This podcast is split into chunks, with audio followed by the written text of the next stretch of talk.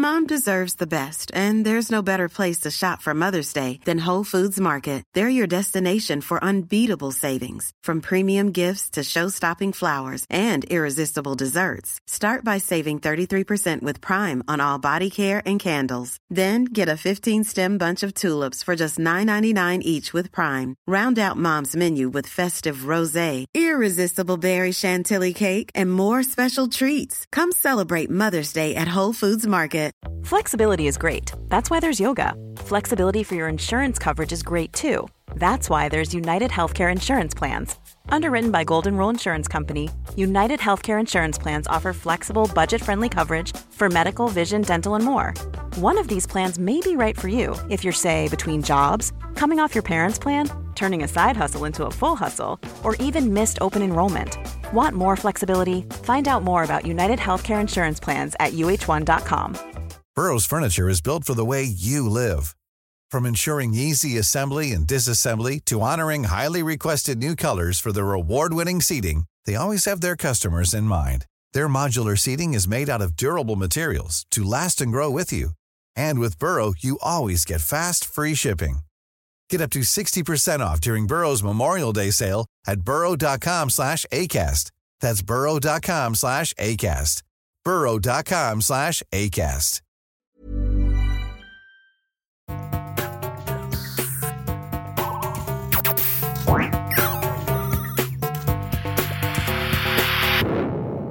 Velkommen til Sinnsyn. Jeg heter Sondre Risom Livre, er psykolog, og dette er Webpsykologens podkast. Hverdagspsykologi for fagfolk og folk flest.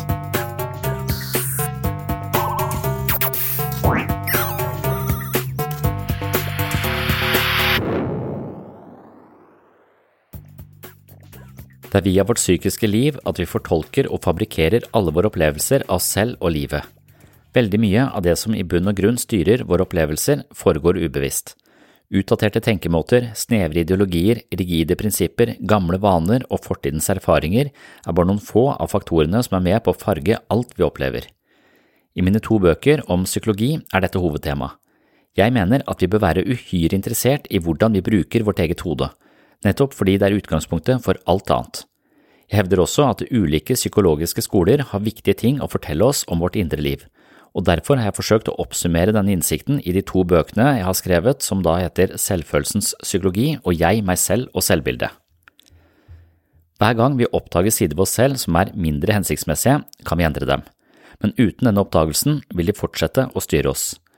I dagens episode snakker jeg mye om selvhevdelse, selvinnsikt og muligheten for å plassere utdaterte versjoner av deg selv på et mentalt museum. Når jeg snakker om hvordan jeg var før, beskriver jeg en variant av meg selv som tilhører fortiden. Det er en tidligere modell av meg selv, akkurat som jeg har gamle utgåtte modeller av iPhone i skuffen. Disse gamle modellene av meg, med en litt dårligere fungering, litt flere uvaner, litt mindre kunnskap, litt mindre selvinnsikt osv., kan jeg snakke om eller beskrive i dag, og da ser jeg for meg at jeg fungerer som en museumsguide i min utstilling av gamle versjoner av meg selv. Dette er nok en metafor på hvordan jeg forstår eh, selvutvikling, og vil du vite mer om detaljene og hvorfor noen mennesker lever med et eh, indre regime som ligner styre og stell i Turkmenistan eller Kasakhstan, kan eh, du fortsette å lytte til dagens refleksjonsgymnastikk. For ordens skyld vil jeg nevne at de episodene du hører i dag, ofte er spilt inn for et år siden. Denne episoden er eksempelvis spilt inn i mai 2021. Velkommen til en ny episode av Sinnssyn. Så da skal vi snakke om en eh, sånn veldig sentral utviklingspsykologisk idé som sier noe om at man lærer å forstå seg selv på et ganske tidlig tidspunkt, eller plassere seg selv på en eller annen eh, verdistige. Man får en selvforståelse i møte med de menneskene man vokser opp eh, sammen med. Og den selvforståelsen den kan være vedvarende gjennom hele livet. Og så er det også en del sånne forsvarsmekanismer som sørger for at eh, barnet ikke skal lide psykisk sammenbrudd. Og dermed så må de av og til forvrenge virkeligheten litt for å ikke leve i en helt umulig verden hvis de ikke har folk som tar vare på seg. Det er derfor Fairbairn sier dette med at det er bedre for et barn å være en uh, djevel i en verden styrt av Gud enn en engel i helvete. Det oppsummerer rett og slett den operasjonen et lite barn som ikke blir ivaretatt, må gjøre. Og tenke at det er meg det er noe galt med. Foreldrene mine er egentlig snille. Eller eh, de som er rundt meg, de som tar vare på meg, er egentlig snille, men de oppfører seg sånn fordi jeg er umulig. Og Da eier man problemet, og da lever man i hvert fall ikke i helvete. Men eh, man er selv en eh, djevel, og dermed så fortjener man det som kommer. Og Da henger ting mer på greip, da. Det er litt sånn dramatisk sagt, men jeg tror det henger igjen som en sånn følelse av at vi har mindre verdi enn andre mennesker, at eh, våre behov er mindre verdt, at vi er nødt til å tilpasse oss andre, at vi hele tiden må undergrave oss selv til fordel for andre, og at den holdningen er noe vi risikerer å ta med oss inn i voksenlivet også. og Det er en ganske sånn destruktiv holdning, en sånn slitsom holdning. Og jeg så, jeg så akkurat Pernie, er det noen som har sett den, med Henriette Stensrup. Jeg så bare de første, par første episodene. Hun, eh, hun, jobber i barnevernet, og hun sier i første episode jeg er så glad for at jeg har ufordragelige barn. Og det har hun. Hun har skikkelig ufordragelige barn. Men det er ufordragelige barn som er det, det, det psykisk sunne, til en viss grad, selvfølgelig. Så hun skriker det til en mor på et eller annet tidspunkt at eh, vet du egentlig hva et trygt barn er? Trygge barn er ufordragelige, sier hun. De tør å uttrykke seg, de tør å si det de mener. Og så er det jo eh, ikke sånn eh, veldig sosialt utvikla når du er eh, 10-12-13, sånn at du, du, snakker jo fra det ståstedet du har, selvfølgelig. Men det er barn som er eh, omsorgssvikta, de er ofte mer pliktoppfyllende, de tør ikke å si de blir borte, de blir usynlige, de sitter bakerst, ikke sant. Så så, så, det er ikke alltid det vi tenker på som eh, Et veltilpasset barn, eller trygt barn, kan ofte være veldig ufordragelig. Og det er innafor normalen. Jeg ble veldig glad for å høre det selv. Jeg skjønner at du er jævlig skuffa akkurat nå, men du kaller ikke mora di for et fittetryne. Det skjønner du òg, Sigrid. Se på meg! Sigrid!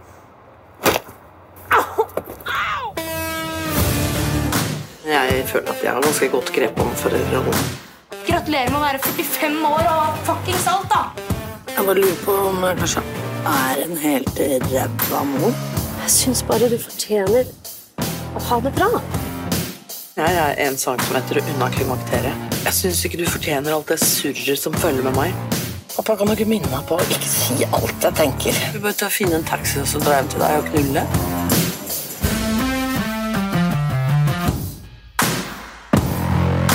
Snakket vi om i, i, forrige, i, forrige, time her. og Det dukket opp Jeg har en sånn type 40-årskrise. da, Jeg er 42, men jeg, min krise er ikke at jeg kjøper alle naboene mine kjøper motorsykler. De syns jeg også skal kjøpe motorsykkel, men jeg tør ikke. Jeg tør ikke å kjøre på motorsykkel. Jeg er redd for å falle og krasje.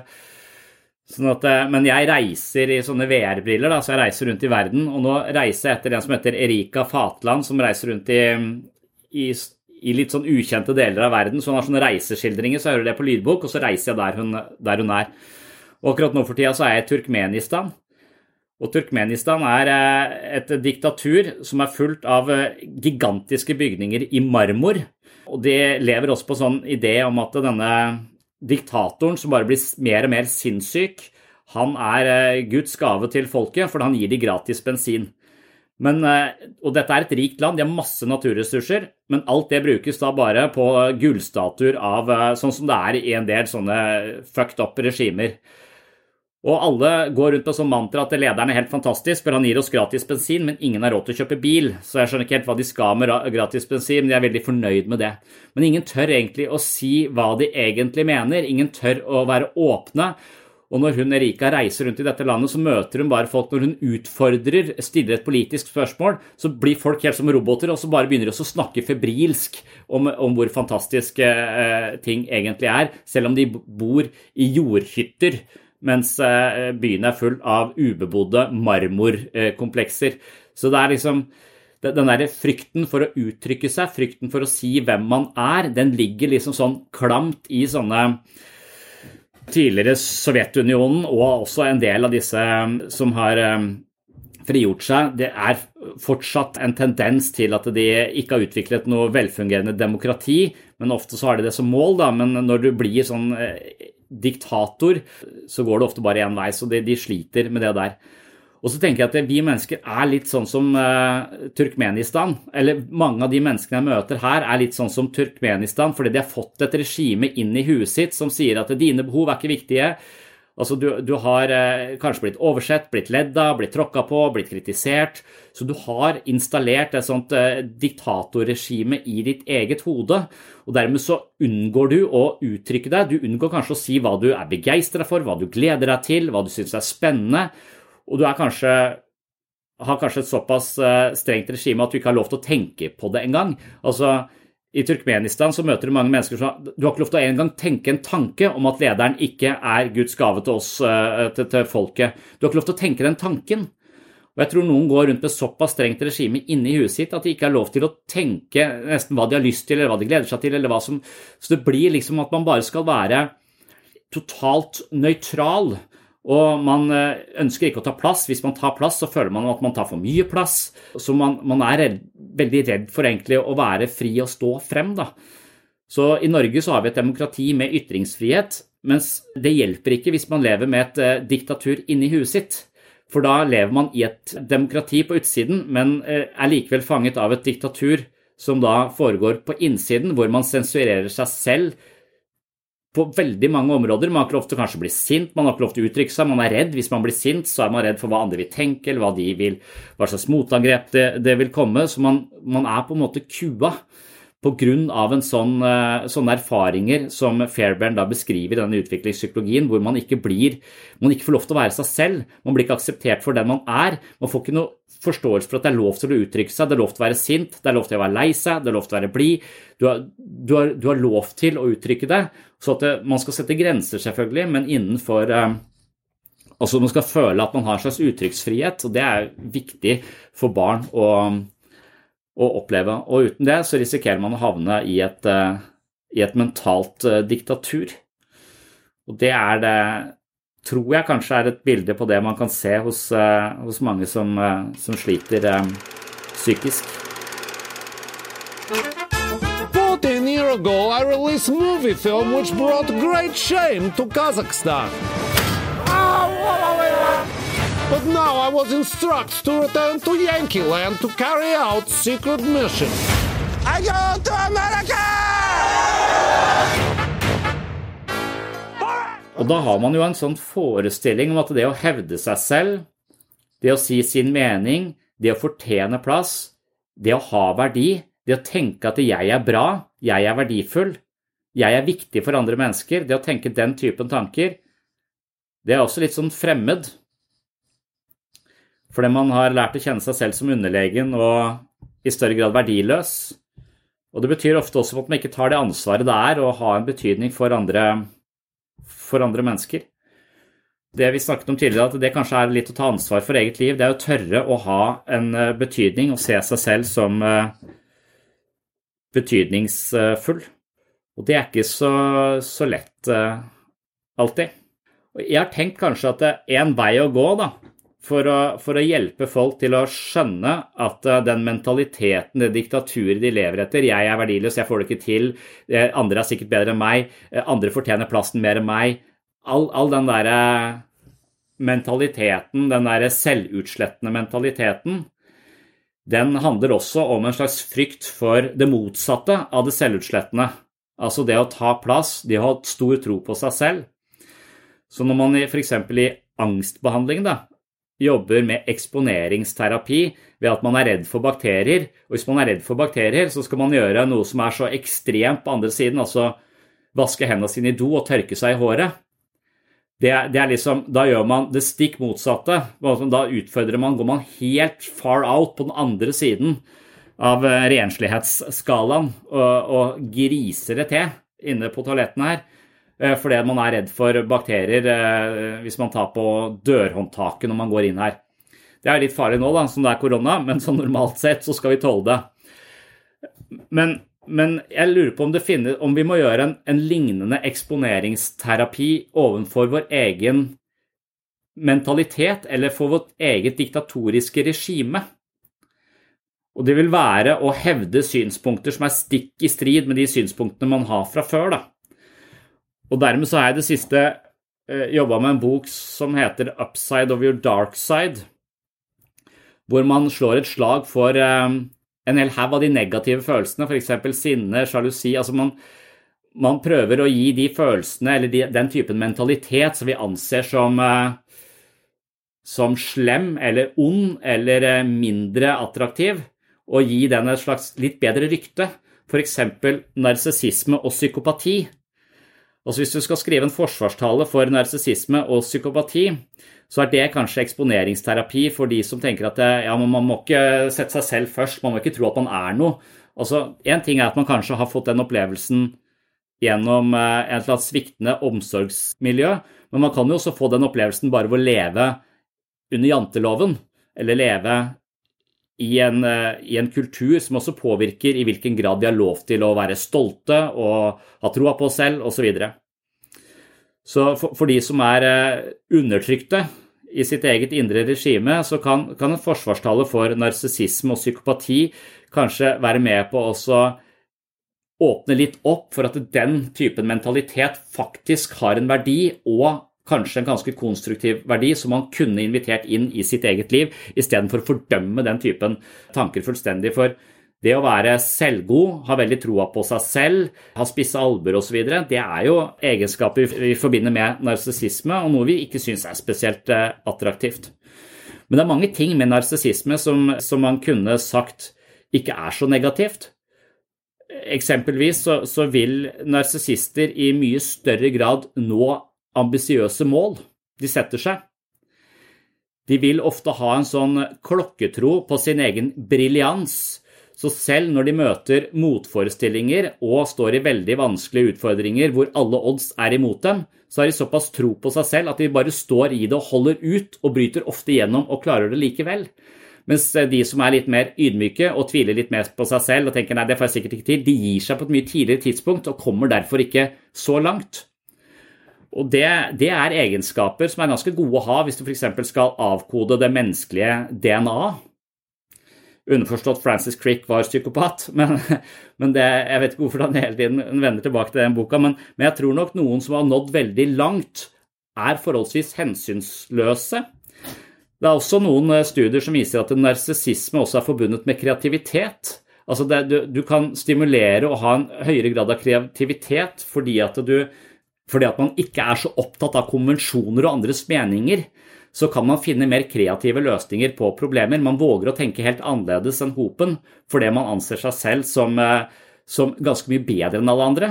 Derfor så, så, vil man ikke tenke at eh, siden alle andre mener det, så er det sikkert den retningen jeg bør gå. De kan gå i helt nye retninger og finne ganske kreative løsninger på vanskelige, vanskelige problemer. Så det er en del sånne ting, så, så en viss grad av narsissisme kan være noe som virkelig drar oss videre i livet og, og fortjener et litt bedre rykte enn det egentlig har. Da. Psykopati er også noe som vi tenker utelukkende negativt, fordi vi tenker på Hannibal Lecter og folk som spiser mennesker til frokost. Men de fleste psykopater er jo leger, politifolk og folk som lager eh, leketøy til barna våre, altså, eller iPader. Altså, Psykopatene eh, i samfunnet de dreper ikke folk. Eh, det, det, er veldig fåtall av de som, eh, som, er sadistisk orientert og dreper folk. Men, men, de har en egen evne til å ikke være emosjonelt involvert i ting. Så en psykopat vil f.eks. fungere mye bedre i en krisesituasjon enn mennesker som blir veldig følelsesmessig belasta i, i, i, vanskelige situasjoner. Så, så, hvis du eh, havner på akutten, så er det ikke nødvendigvis noen eh, noen ulempe at den legen du møter, er en psykopat. For han vil kunne holde hodet klart, har en egen evne. altså I utgangspunktet så er psykopatens følelser ganske sånn overfladiske i utgangspunktet, og så har de en bedre evne enn oss andre til å distansere seg fra de følelsene. Så de kan operere helt kaldt i ganske dramatiske eh, situasjoner. Så Det er også egenskaper som vi, som vi på sett og vis har bruk for og har en overlevelsesverdi. Men selvfølgelig ikke utelukkende. Vi vil ikke ha det i renskåret eh, variant. Men det å tørre å tenke at jeg vet best, ta litt mer hensyn til meg selv, tro på meg selv altså Det kan være det å ha et litt annet syn på de, de sidene ved en selv som man ser på som mindre attraktive, så vi for all del, for all del ikke være egoistisk. For all del ikke tenke på meg, på meg selv. Det er jo uh, bare narsissister som er egoistiske. Men det å være egoistisk og tenke på sine egne behov, det gir også andre muligheten til å være snill mot deg. Ha en betydning for deg, gjøre noe du vil. Du gir dem mulighet til å være et godt menneske. Hvis du hele tiden skal være den som gir noe og aldri får noe, så frarøver du andre mennesker muligheten til å være snille. Og det er jo uh, antipsykopatisk psykopatisk, på en måte. Det er jo uh, Jeg vet ikke hva, hva det er engang, men det er ikke spesielt uh, snilt. Så jeg tror at de menneskene som virkelig har sånn, fått det sånn har enten plassert seg selv nederst på rangstigen fordi de ble mobba på skolen, og har fortsatt å leve der nede og har en identitet knytta til å ikke være like verdifull som andre, de må vi klare å eksponere for ideer som altså, Du er nødt til å flytte opp. Du er nødt til å gi deg selv mer verdi. Det betyr at du kan ta mer ansvar. Det betyr at du kan våge å ha verdi for andre mennesker. Det betyr at du kan åpne opp for hva du tenker, hva du brenner for, og dele det med andre mennesker, istedenfor å leve i et eller annet sånn uh, Turkmenistan-regime hvor alle går rundt og bare nynner på den samme regla, og ingen vet egentlig hva andre tenker. Fordi de tør ikke å si det. For hvis de sier det, så havner de i fangeleir. Så, så, så, hvis du er på en eller annen måte stikker deg ut uh, i Turkmenistan og er åpen og direkte og nysgjerrig og, og ærlig, så havner du i en eller annen arbeidsleir. Jeg møter jo mennesker i dette systemet som hadde passa perfekt i Turkmenistan, fordi de ikke sier noe om seg selv, ikke sier noe om hva de liker, og holder alt for seg selv og bare er helt nøytrale og er livredd for å plumpe ut med noe i ulike samtaler. De hadde passa perfekt i Turkmenistan. Jeg hadde havna i arbeidsleir etter en ukes tid, sannsynligvis, fordi jeg kan ikke jeg har ikke impulskontroll til eh, til å ikke si det jeg måtte mene i enhver situasjon. Og det er livsfarlig i et diktatur. Men så bor jo ikke jeg i et diktatur. Det er jeg glad for. og det er, en, det, er en, det er, et forhold mellom sinne og det å våge å uttrykke seg, og denne aggressive komponenten, for det er den som er selvhevdende. Så det jeg la merke til når hun Erika Flatland reiser reiste fra Turkmenistan til Kasakhstan eh, og Det eneste vi vet om Kasakhstan, er Borat, og det er et ganske skeivt bilde av Kasakhstan, egentlig. Kasakhstan er et enormt rikt land, hvor det også er gullkupler og marmorbygg en masse, men folka som bor der, er fattige. Fordi de igjen har en, en, en leder som mener at han skal installere et demokrati i 2050.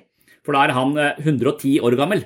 Så han skal leve i dette eneveldet, et, et slags opplyst enevelde fram til det, da, hvor han bestemmer alt. Jo, men, men, jeg legger merke til at hun kjører rundt med mennesker som da er totalt undertrykte. I, for du har ikke lov til å gå rundt i Turkmenistan eller Kasakhstan uten at du har en eller annen guide. Du har ikke lov til å være aleine der, for de er redd for at folk skal komme inn og se. Det er sånn Nord-Korea-regimeaktig. Og de skal bare fremstå på en spesiell måte. Men noen guider eller noen taxisjåfører hun møter, de sier jeg er så jævla lei av det landet her. Forbanna korrupte folk. De bare lurer oss hele tiden. Med en sånn aggressiv komponent, og så legger hun merke til at de kjører litt fortere i bilen sin enn de andre.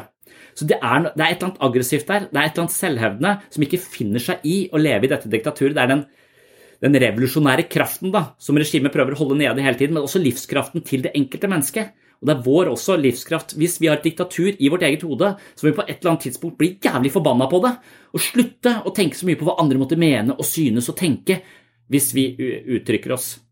Og hvordan lager man revolusjon i sitt eget hue?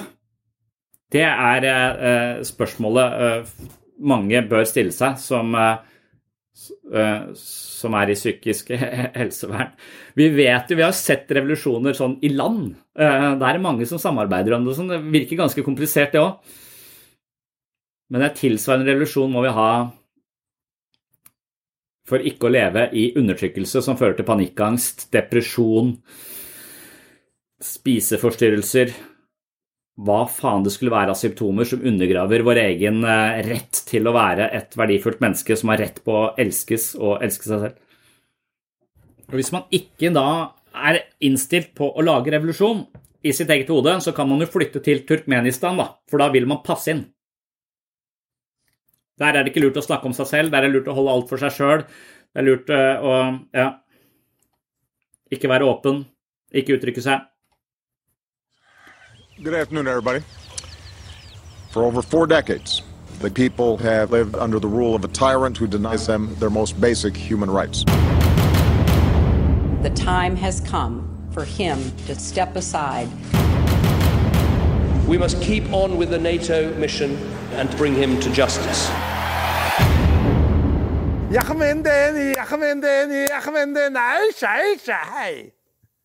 I made that up. It's the rock in the building. Yes, ma. I ain't gotta tell you, but it's your boy Ho from the US. Yes, yeah. WTF what the فخور مجال محمد عملية Catch your boy mingling, England, meddling in the Netherlands, checking in daily under aliases. Ah, America The birthplace of AIDS Ja, for det er, det er ikke noe lett å lage revolusjon i sitt eget hode hvis man tror på tankene sine. Og Det er derfor man ikke skal tro på tankene sine, selvfølgelig. Og det er jo litt sånn Det er jo akkurat som å møte Når jeg liksom når jeg føler selv at jeg reiser rundt i Turkmenistan da, fordi jeg har VR-briller og er der, samtidig som jeg hører på Erika Fatland møte mennesker som bor der, så, så, så tenker jeg Men, men, men de, de, er jo helt hjernevaska. Altså, De sier 'Hvorfor har du det så dårlig?' Det er fordi at innsatsen min ikke er god nok.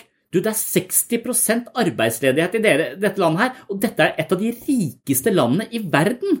Hvorfor er det 60% arbeidsledighet? Er det fordi at ledelsen i landet er småkorrupt? Nei, nei, nei, det er fordi at jeg ikke gjør en god nok innsats. Altså, de, de, de, våger, de tror på det denne eneveldende psykopatdiktatoren sier.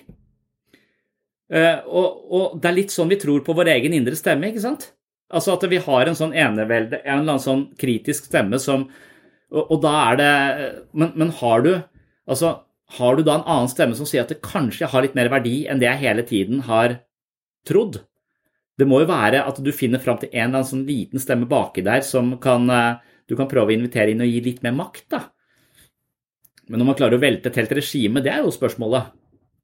Det kan jo være med å ha strøm i huet for å klare å velte et sånt regime.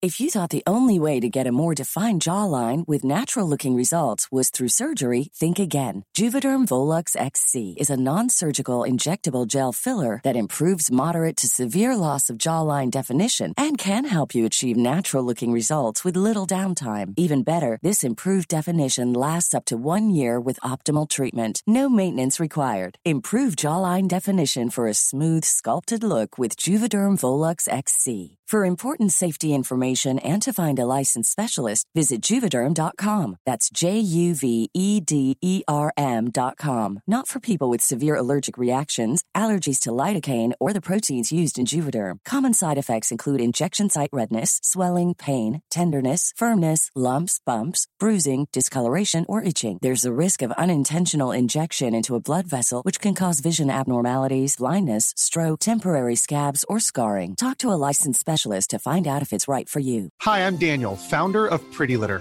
Did you know cats tend to hide symptoms of sickness and pain? I learned this the hard way after losing my cat, Gingy. So I created Pretty Litter, a health monitoring litter that helps detect early signs of illness by changing colors, saving you money and potentially your cat's life. Pretty Litter is veterinarian developed, and it's the easiest way to keep tabs on your fur baby's health right at home. Go to prettylitter.com and use code ACAST for 20% off your first order and a free cat toy. Terms and conditions apply. See site for details. Hiring for your small business? If you're not looking for professionals on LinkedIn, you're looking in the wrong place. That's like looking for your car keys in a fish tank. LinkedIn helps you hire professionals you can't find anywhere else, even those who aren't actively searching for a new job but might be open to the perfect role. In a given month, over 70% of LinkedIn users don't even visit other leading job sites. So start looking in the right place. With LinkedIn, you can hire professionals like a professional. Post your free job on linkedin.com slash people today. Ja, for det er vanskelig å vite hvordan du skal finne den veien til å bli et friere menneske hvis du, hvis du har et slags, lever i et psykisk diktatur. Som veldig mange gjør, for de har veldig mange kritiske stemmer. De, veldig, de, fleste av oss har jo det, sånne selvkritiske stemmer som rakker ned på oss og sår tvil, som gjør at vi blir litt vaklende i ulike prosjekter hvor vi kanskje kunne gjort det mye mye bedre ved å ha klokketro på oss selv. Men hvordan man liksom kommer dit altså, altså, Det er jo så tydelig Det er derfor jeg bruker disse sammenligningene med Turkmenistan og vårt indre liv. Altså, for det er så tydelig hvis du, hvis du følger Erika Fatland, så skjønner du du, du, ser disse strukturene. Hun er jo sosialantropolog. Hun skjønner de politiske dynamikkene, alt dette. Du kan, du kan, få et stort bilde av det som foregår i dette landet. Mens de som da bor midt oppi det, de ser det ikke. Noen ser det. Noen taxisjåfører ser det og har avslørt det, men er eh, handlingslamma likevel, for de, ikke, de blir bura inne hvis de sier det høyt. Det de, så det er jo et, eh, et sånn regime. Så, så, med å forstå det, ved, ved, å forstå at du hele tiden har et slags diktatur inni deg som, eh, som styrer mye av måten du tenker, føler og handler på Hvis du tror på den tanken, det må være den første altså, Det er ikke sikkert at det myndighetene forteller meg, er helt sant. Hvis du, hvis du, kan begynne å mistenke at det du tenker om deg selv, ikke nødvendigvis er 100% sant, så begynner du å bevege deg ut. Da er du kanskje til en viss grad åpen for, eh, for nye eh, ideer. Og da, og da, vet jeg ikke om det hjelper med psykoedukasjon, hvor du liksom kan påpeke at hm, hudet ditt er fullt av tankefeller som du går i hele tiden. Alle mennesker har tankefeller. Det som var i podkasten, er eh, denne forsvarsmekanismen som heter splitting. Fordi det er så psykologisk krevende å se en sak fra mange sider, eller ha motstridende følelser i seg selv, så splitter vi det opp, sånn at vi enten føler bra eller dårlig. Sånn at eh, det er det barnet gjør, at det sier at 'jeg er dårlig, du er god'. Mens eh, mamma og pappa er både gode og ond. Altså de, de, prøver så godt de kan på noen områder, og, og, og, feiler så det holder på andre områder. Så det å se gråtonen i dette, det vil være å, å, se verden for det verden er. Men hvis du er et barn, så har du ikke råd til det. Du har ikke råd til å ha foreldre som ikke kan ta vare på deg. Så du er nødt til å sette de opp på en pidestall. Og det er jo det som er å bli voksen, er jo å se nyansen i foreldrene sine. Noen sier det er å tilgi foreldrene sine, som underforstått ikke vil være å si at det dere gjorde var greit, men jeg skjønner at eh, det dere gjorde handler om deres forutsetninger for å være foreldre, deres erfaringer fra tidligere, at du ser nyansene, og du ser de plutselig som vanlige mennesker, ikke som noen eh, som, som, står på en, på en pidestall eller er over deg. Og Kanskje det er litt det som handler om å bli voksen også, til å se seg litt lik andre mennesker. Den der ideen om at andre mennesker er bedre enn meg. Nei, andre mennesker er ikke bedre enn meg, men de er ikke dårligere enn meg heller. De er litt lik meg. Jeg skjønner åssen det er å være selvkritisk. For jeg er selvkritisk selv, som jeg påstår at, eller som det kanskje ikke virker sånn når jeg, når jeg er her, men det bare later som om jeg ikke er det for et øyeblikk. Og så, så man, man, er jo litt lik hverandre.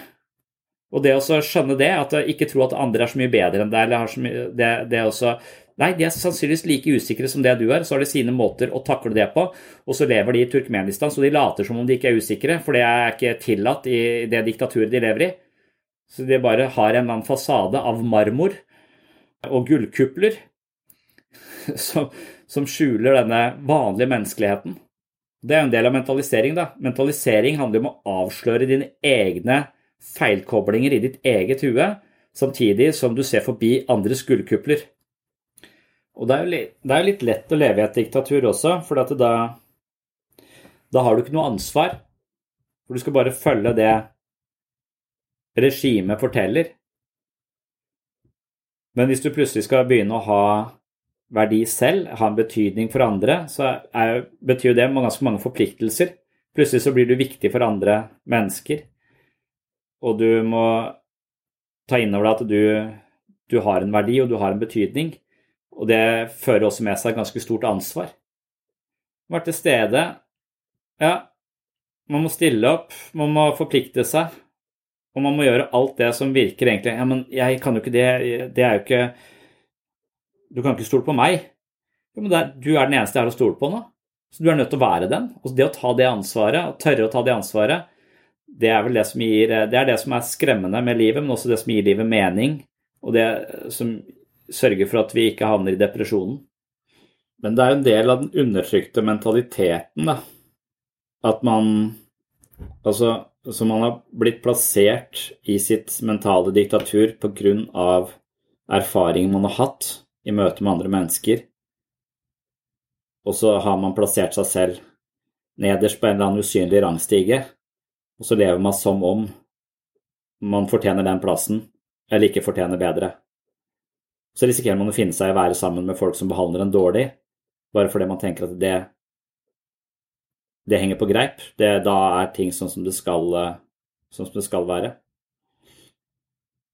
Men det er jo det også men den samme, samme mentaliteten er altså at der nede, når jeg likevel er såpass underkua og handlingslamma, så har jeg heller ikke noe muligheten til å gjøre noe med livet mitt. Så, så selve mentaliteten låser deg jo fast der nede. Så, så, en annen ting som man møter som ikke er fullt så Det er liksom litt sånn Man kan synes litt synd på den mentaliteten, og, og det, det, skal man jo, men på den annen side så er det også en sånn ansvarsfraskrivelse ved det. Så det er å våge å ta mer ansvar for seg selv hele tiden. For det, det, er veldig mange som, som, som, nettopp i tråd med en sånn undertrykt mentalitet tenker at ja, jeg, det er jo alle andre som behandler meg så, så dårlig. Det er av at de er helt idioter. Det er pga. at jeg alltid blir ekskludert fra vennskap. Det er pga. at Nav ikke betaler meg mer penger, så jeg sitter fast i Så, så man hele tiden opplever at uh, vanskelighetene kommer utenfra, og ikke Og man i, ut, overfor de vanskelighetene ikke har noe handlingsrom, og blir bare værende i den, den grøfta. Noe som vi av og til har kalt trebeinspillet. Altså hadde det ikke vært for det eller det eller det eller det, at alkoholisme eller det eller det eller det, eller det så, så, så kunne jeg levd sånn som jeg egentlig vil. Men så viser det seg kanskje at vi har mer påvirkningskraft. Vi kan i hvert fall påvirke hvordan vi opplever disse tingene i mye større grad enn vi, enn vi selv har lært å tro. Det er en sånn langsom prosess hvor man må, må, må begynne å endre, endre, mentalitet. Og Det vil være også helt parallelt til et eller annet diktatur. Da hvis du plutselig bare dreper Saddam Hussein, så gjør ikke det så veldig mye bra for landet. For de har jo ikke lært det å lære seg å ta ansvar, at enkelt alle i samfunnet skal ta ansvar om å bestemme hva som skal, hvordan vi skal ha det, det er jo det er noe som krever modning og utvikling og trening. Så Dermed så er det ikke alle som vil ut av et, uh, et diktatur. Det er ikke det letteste stedet å være uh, for mange, og inkludert meg selv etter hvert, og militæret. Trengte ikke å tenke eller gjøre noe som helst. altså Du ble jo bare Alt var liksom sånn strømlinjeforma. De klærne skulle ha på deg, de lå der. Den messa skulle spise i, skulle gå dit etterpå. Så jeg trengte ikke å ta noe som helst, eh, helst, ansvar eller stå for noen av de valgene, for alle valgene var liksom tatt. Mens med en gang jeg skal ta mitt eget valg, så, så, er jeg også ansvarlig for det valget. Og hvis det går feil, så er det mitt Ja, så det er eh, Det er noe med å våge å ta litt mer eh, ansvar og undersøke om man sliter en litt sånn posisjon hvor man har lært å se på seg selv som undermåls alle andre, eller, eller, eller maktesløs overfor ytre faktorer eller krav eller, eller, maktposisjoner, andre mennesker. Og jeg har ofte snakket om han, han fyren som sitter inne og røyker hasj og, og, er oppe på natta og sover på dagen og, og gamer, som hele tiden argumenterer overfor meg at det er av at staten er så fucked up pga. Nav, pga. Arbeiderpartiet, pga. sånn og sånn, så holder de borgerne pga. innvandrere som tar alle arbeidsplassene, så kan ikke han ikke sant? Så Det er mange sånne forklaringer som, som gjør at det, det, er ikke hans skyld at han sitter og røyker hasj oppe på natta. Det er fordi samfunnet har tvunget han inn dit. Så han er, han er vant til å være et offer for noe som er sterkere enn seg selv. Men det han begynte som, var et offer for faren sin. Faren hans behandla han jævlig dårlig, tråkka på han, lo av han, eh, ydmyka han. Og han er, han er, vant til å føle seg underlegen en eller annen sånn eh, stor kraft som er mye sterkere enn han. Som behandler han dårlig. Og når faren dør, så sitter han alene i en leilighet og har plassert Nav der det tidligere var en far.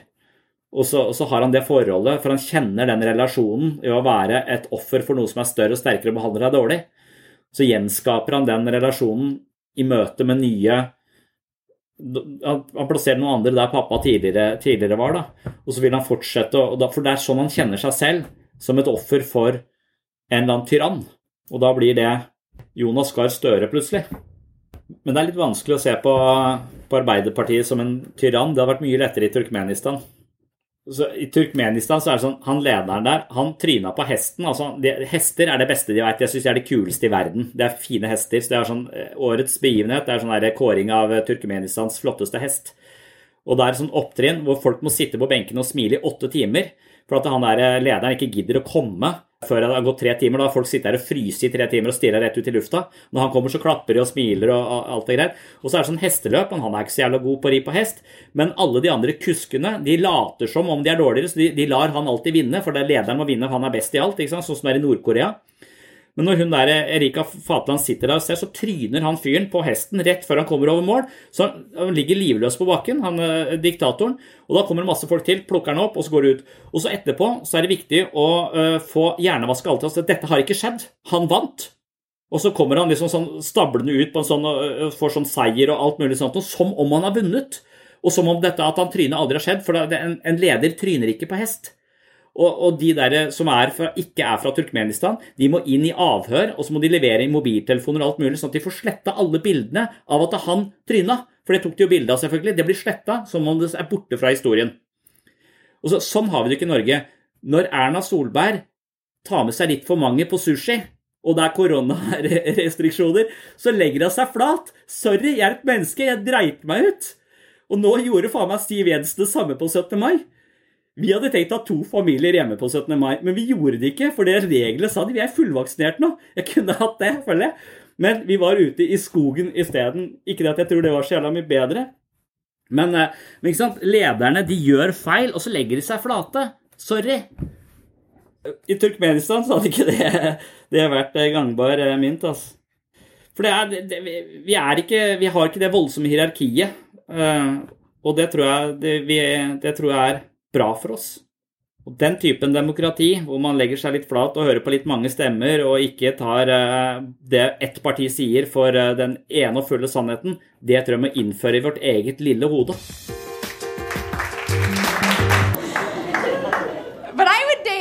Date a dictator. I would. I, I would. I would date like a world leader dictator and think that I could change him. I would go out with like Mahmoud Ahmadinejad. And go, I am going to get him to wear a tie. You know who he is, right? He's like the president of Iran. Because I did that joke in Bakersfield, and everybody's like, Mahmoud Ahmadinejad. That's that guy from Borat. All my friends would be like, I can't believe you're going out with Mahmoud. I'm like, no, he is such a jerk. No, he's really sweet, honestly. Beneath that like, you know, he, he has a really sweet underbelly beneath all that tyranny. He'd be all jealous. I'm going to kill him. Det kommer litt an på hva man tenker følelser er for noe også, da. Og, og det kan hende det Jeg vil mene at det, det, kanskje vil hjelpe oss å bli kjent med den enkelte følelsen, eller bli en litt sånn, sånn hva skal man si, sosialantropolog i sitt eget følelsesliv, og så begynne å finne ut av hva slags følelser har egentlig mennesker, hva slags funksjon har egentlig de følelsene, eh, hvor kommer de følelsene fra, hva forteller de? Og så er det jo noen som mener at følelser stort sett egentlig bare er automatiske reaksjoner på verdivurderinger du har gjort på et tidligere tidspunkt. Så det betyr at du på en eller annen tidspunkt har dømt noe som bra eller dårlig, stygt eller pent, og du har gitt det en, en valør eh, i takt med de omgivelsene du har vært i, og så har den situasjonen da ferdig, ferdig bedømt, og så legger du det på et lavere nivå i hjernen.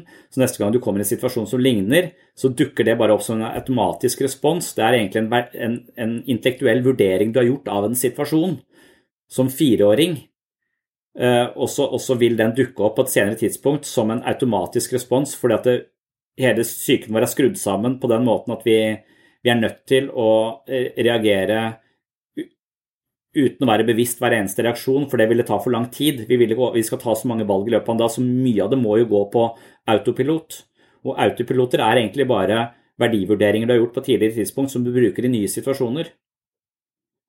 Og hvordan du da har lært å vurdere deg selv som menneske, hvordan du har lært å vurdere din egen verdi, ville være ganske avgjørende. Men hvis du da bare belager deg på autopiloten, som du kaller en følelse, som vi tillegger veldig mye mer makt, fordi at ja, men følelsene, de, er, følelsene er så mye mer ekte enn tanken, på en måte. Tanken er jo der for å eventuelt kunne ta opp igjen og gjøre nye vurderinger i voksen alder. For den vurderingen jeg gjorde av meg sjøl når jeg var fire år og ble, eh, ble mobba av nabogutten som var fire år eldre enn meg, altså den, den, vurderingen og den forståelsen jeg hadde av meg selv og min kompetanse i møte med han, den var ikke, da hadde ikke jeg intellektuell kapasitet til å gjøre en spesiell god vurdering. Men hvis jeg tar med meg den vurderingen at jeg er mindreverdig eller jeg er mindre kompetent enn alle andre, på bakgrunn av en sånn reaksjon, så vil det være følelsen min i enhver situasjon. Og vi tillegger den følelsen så innmari mye status som sånn Ja, men det ligger så dypt i oss, det er så, det er så skrevet i stein, på en måte. Så, så da ville det være veldig viktig da, å, å ha denne psykopatiske tendensen til å ikke legge så mye i følelsene sine. At det er det som er psykopatens eh, Se denne egenskapen som vi andre som ikke er psykopater, kanskje kunne adoptere litt mer, sånn at vi kan få en større avstand til det og heller vurdere hvile mer i våre voksne vurderinger av nye situasjoner på bakgrunn av mer kunnskap om hvordan følelser fungerer, hvordan følelser installeres i oss. Så jeg vet ikke om den intellektuelle veien kan være i det hele tatt en farbar vei, men du må være virkelig interessert i det. Du må være interessert i å, å tvile på deg sjøl, og du må være interessert i å ta det ansvaret som medfører eh, et nytt syn på deg selv. Og den usikkerheten og den angsten det nødvendigvis vil For det, det, vil jo hele tiden da Oi, skal du begynne å tenke helt annerledes? Det, det er jo den samme risikoen som de som sier at vet du hva, jeg syns han lederen er en tulling. Eller keiseren, han har jo ikke klær på seg. Ikke sant? Det å si det, det risikerer en eller annen sånn sosial, eh, sosiale reprimander, og, og du, du, blir på en måte Du risikerer å havne i fengsel, du risikerer å bli utestengt fra fellesskapet. Altså, er, jeg tror det er den samme frykten I et diktatur er frykten å bli utestengt eller fengsla eller, eller henretta, rett og slett, hvis du sier imot. Mens den samme frykten, hvis du sier imot dine egne følelser i ditt eget indre regime, så tror jeg igjen frykten er at ja, skal du ødelegge hele systemet her? Nå har vi et godt system hvor vi er eh, mindreverdige, og det er sånn vi har forholdt oss hele livet. Skal du plutselig begynne å, å, å se annerledes på det? Da skyter vi deg. Eller så sier vi ok, så, så, se om du kan gjøre noe bedre, da. Så se om du har noe verdi. Og så, og så står du og ler av deg hele tiden fordi du skal prøve å plutselig leve som om du har mye mer verdi og er verdt å elske, når du hele tiden har tenkt at du ikke er det. Og så, så da, det er eh, jeg tror det er ganske parallelle, parallelle, mekanismer, og vi skal vite at det er ganske vanskelig, men det er ikke umulig å styrte et regime. Det kommer litt an på hva vi tror om følelser. Tror vi at de er skrevet i stein? Jeg tror mitt forslag ville være å putte følelsene på museum. For, for det, De følelsene er der, og det var sånn vi har reagert hele livet. Men i disse landene, Gulag-systemet i Sovjetunionen eller eh, eh, eller fangeleiren Auschwitz osv. De har blitt gjort om til museer. Sånn tenkte vi, handla og følte på denne tiden om de og de folka. Og nå kan vi reise i hvite busser eh, ned der og forstå hvordan man tenkte før. sånn at man kan eventuelt, eh, Hvis man har et indre landskap, da, så kan man plassere noen av disse følelsene Man skal ikke eh, fjerne de, man skal ta vare på de, for man skal vite sin egen historie. og så skal man kjenne til dem med, og så kan man reise i hvite busser inn til sine egne Eh, følelser og forstå hvor, eh, hvor fucked up det var å, å ta livet av ethvert initiativ og enhver enhver kime til kjærlighet av noe som helst slag som vi drev på tidligere eh, i, i dette, dette, landskapet som er meg. Men det er nok vanskelig, for, for i utgangspunktet så tror vi på følelsene våre, men følelsene våre, en del av de følelsene bør være i, i de i de albumene som eh, vi har i skuffen, som ikke så mange har lenger, da, men det var der det Sånn tenkte jeg da, for det, ble sagt til meg sånn, sånn har jeg fortsatt å tenke. Helt til jeg kom hit, da skjønte jeg at den måten å reagere på, den bør på museum. Og så kanskje man kan agere som, som museumsguide da, for seg, for, kanskje det er terapi, på en måte. Nå skal du høre hvordan jeg tenkte før i tida, og så, og så viser du folk inn i ditt eget, eget indre museum. Forteller du den, den, enten er vennen din eller terapeuten eller hvem det skulle være, da, så, om hvordan du var tidligere. Da forteller du om en, en, variant av deg selv du har plassert på museum. Men, men du, du, fornekter ikke den delen av deg selv, for det, det, er en trist Det er en historie som, som er verdt å fortelle. For, for eh, også at, man, at, det kan være en viktig del av prosessen å fortelle nettopp. Være denne museumsguiden i sitt eget innhold. Skulle du høre hvordan jeg var eh, før i tida. Og det museet vil jo hele tiden utvides, da, for vi, vi, vil jo hver gang vi utvikler oss, forlate en tidligere variant av oss sjøl og en tidligere måte å tenke på. Så, så, så, så får vi et rikt eh, Etter hvert et rikt museum. Men hvis vi ikke lager et museum, så blir vi bare være den samme personen hele tida, da. Hvis vi ikke tenker at før så var jeg sånn, nå skal du se, se på den varianten av meg. Det var Sondre 1-0, her er Sondre 1-1, 1-2, nå er jeg på 3-1. Altså, akkurat som operativsystemet på telefonen må jo Det må oppdateres. Mm. Ja, for hvis man har hatt det veldig bra og sånn opp igjennom, så, så har man jo kanskje et litt sånn kjedelig museum. Mens hvis man f.eks. Det er jo de museene som er litt fart i, som folk går på. Altså, det er, det er sånn Det er jo Jeg er på sånn torturmuseum f.eks. i London, altså, eller i London Dungeon. Det er jo de der museene som forteller litt sånne uh, vanvittige historier som er spennende å gå på.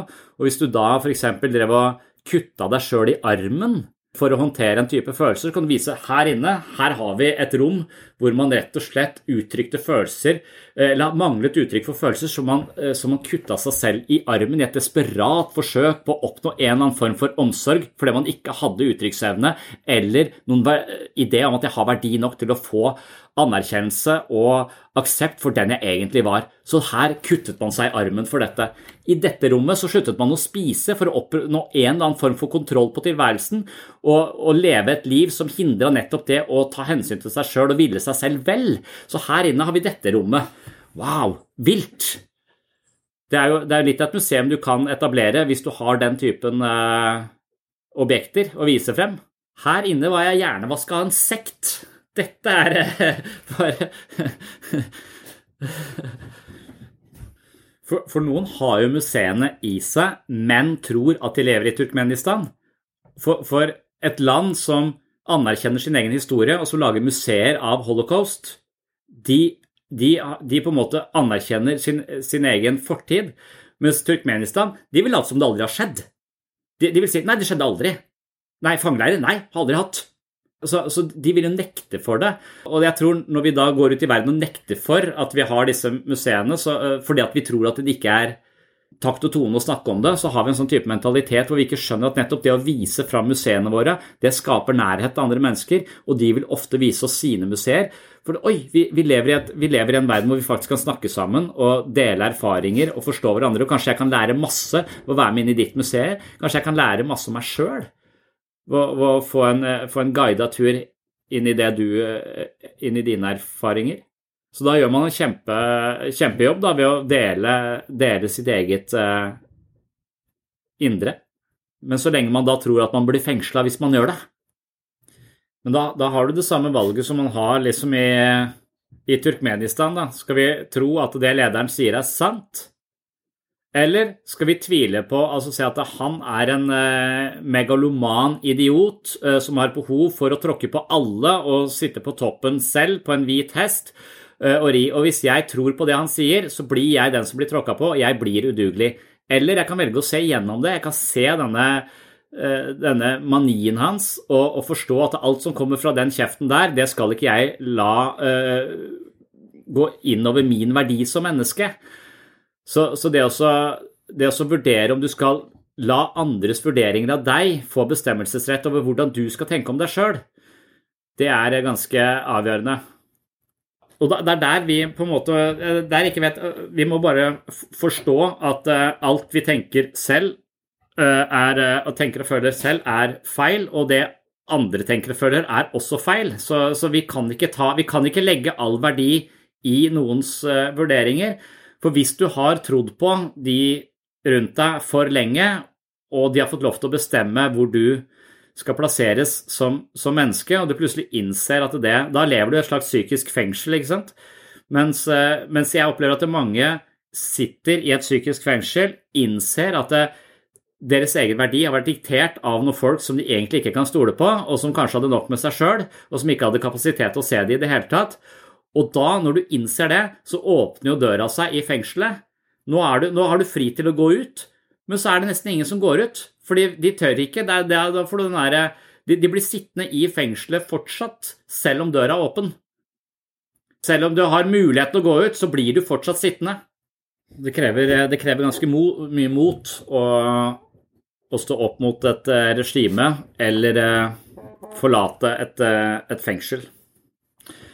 Og veldig mange følelser kan vi på en måte forstå, modifisere og korrigere for. F.eks. angst, unødvendig mye frykt kan vi korrigere for og finne ut av når er det frykten er noe jeg skal eh, ta hensyn til å forstå og trekke meg unna. Når er frykten noe som uh, egentlig bare er et ekko fra fortiden. Så vi kan liksom ofte modifisere en del av våre emosjonelle responser med, ved å eksponere oss og forstå dem.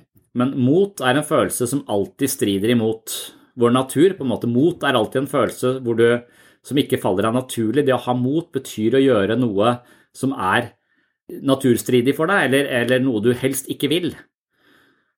Og det er nok den følelsen vi nesten alltid må ha med oss når vi skal gjøre revolusjon. Da. Det krever ekstremt mye mot.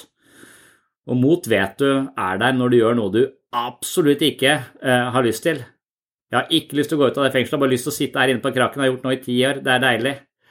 Eh, det er ikke deilig, men det er i hvert fall mindre skremmende enn å gå ut. Og det er lettere sagt enn gjort er vel, eh, er vel det vi har identifisert som eh, diktatorens stemme. Det er eh, den mentaliteten som, eh, som forhindrer vekst og utvikling. Jeg skal løpe rundt i byen og trimme magen bort, men det er nok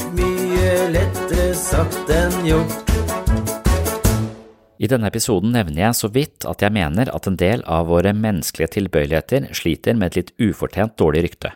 Vil du vite mer om hvordan jeg forsøker å gi følelser som skyld, sinne, egoisme, narsissisme og angst et litt mer nyansert omdømme, slik at vi i større grad kan våge å omfavne litt flere av våre mindre attraktive sider, så kan du gå til min Patron-side og oppsøke øvelse 18, 19, 20, 21, 22 og 23. I hver av disse mentale øvelsene dykker jeg ned i de såkalte dårlige sidene hos mennesket, og jeg påstår at også dårlige sider kan være bra. Jeg baserer meg på en bok som heter The Upside Over Dark Side, og poenget er å tenke litt nytt, annerledes og omvendt om menneskelige trekk vi normalt sett misliker, fordømmer, unngår, undertrykker eller nekter å innrømme. Hvis vi kan klare å akseptere disse sidene ved oss selv, se at de også har en del fordeler, så kan vi bli et helere menneske, og det er nettopp det disse mentale øvelsene handler om. Håper å se deg på patron.com for segs sinnssyn, og det er som kjent flere gode grunner til å bli abonnent eller patron-supporter av denne podkasten. Og så tar jeg den vanlige regla. Hvis du finner verdi her på sinnssyn, vil ha mer sinnssyn hver måned og har lyst til å støtte prosjektet slik at jeg kan holde hjula i gang her på podkasten, er et abonnement på Patron av stor betydning for dette prosjektet. Som abonnent på Sinnsyn kan du selv velge beløp per måned, og beløpet vil altså gi deg et medlemskap på mitt såkalte mentale treningsstudio. Jeg vil også nevne at et slikt eh, abonnement kan avsluttes når som helst med et par tastetrykk. Jeg vil også benytte anledningen til å takke alle dere som allerede er Patron-supportere. Det er lyttere som dere som sørger for at lyset er på her inne på sinnssyn uke etter uke, måned etter måned, år etter år. Det er kostnadskrevende og tidkrevende å drive denne podkasten, men jeg elsker å gjøre det, og med støtte fra Patron-lyttere kan jeg prioritere sinnssyn hver eneste uke, så tusen hjertelig takk for det. Så hvis du da vil ha umiddelbar tilgang til, eh, ja, mer enn 50 ekstra episoder av Sinnssyn, flere tyvetalls øvelser, masse videomateriale og mye mer snacks fra denne podkasten, så kan du altså åpne dette ved å gå til patron.com for slash sinnssyn og tegne et abonnement. Takk for følget. Takk til alle dere som har rata podkasten eh, i ulike sosiale medier, og spesielt takk til dere som har rata podkasten på iTunes. Det spiller en stor rolle for eh, synligheten rundt omkring i disse podkastplattformene. Det er mange steder man bør synes. Jeg vet ikke om jeg synes på alle disse stedene, men jeg gjør så godt jeg kan, både i sosiale medier osv. Så, videre. så hvis du vil følge aktiviteten, så bør du følge Sinnsyn både på Facebook, på Instagram, du kan også følge på LinkedIn hvis du vil, eh, og på Twitter. Ellers er det jo da viktigst å abonnere på podkasten i iTunes eller i Spotify, eller der du måtte høre på podkaster. Jeg vet ikke helt. Eh, alt dette her. Det blir veldig komplisert. Uansett, takk for eh, følget, og håper du henger med i neste episode. På gjenhør.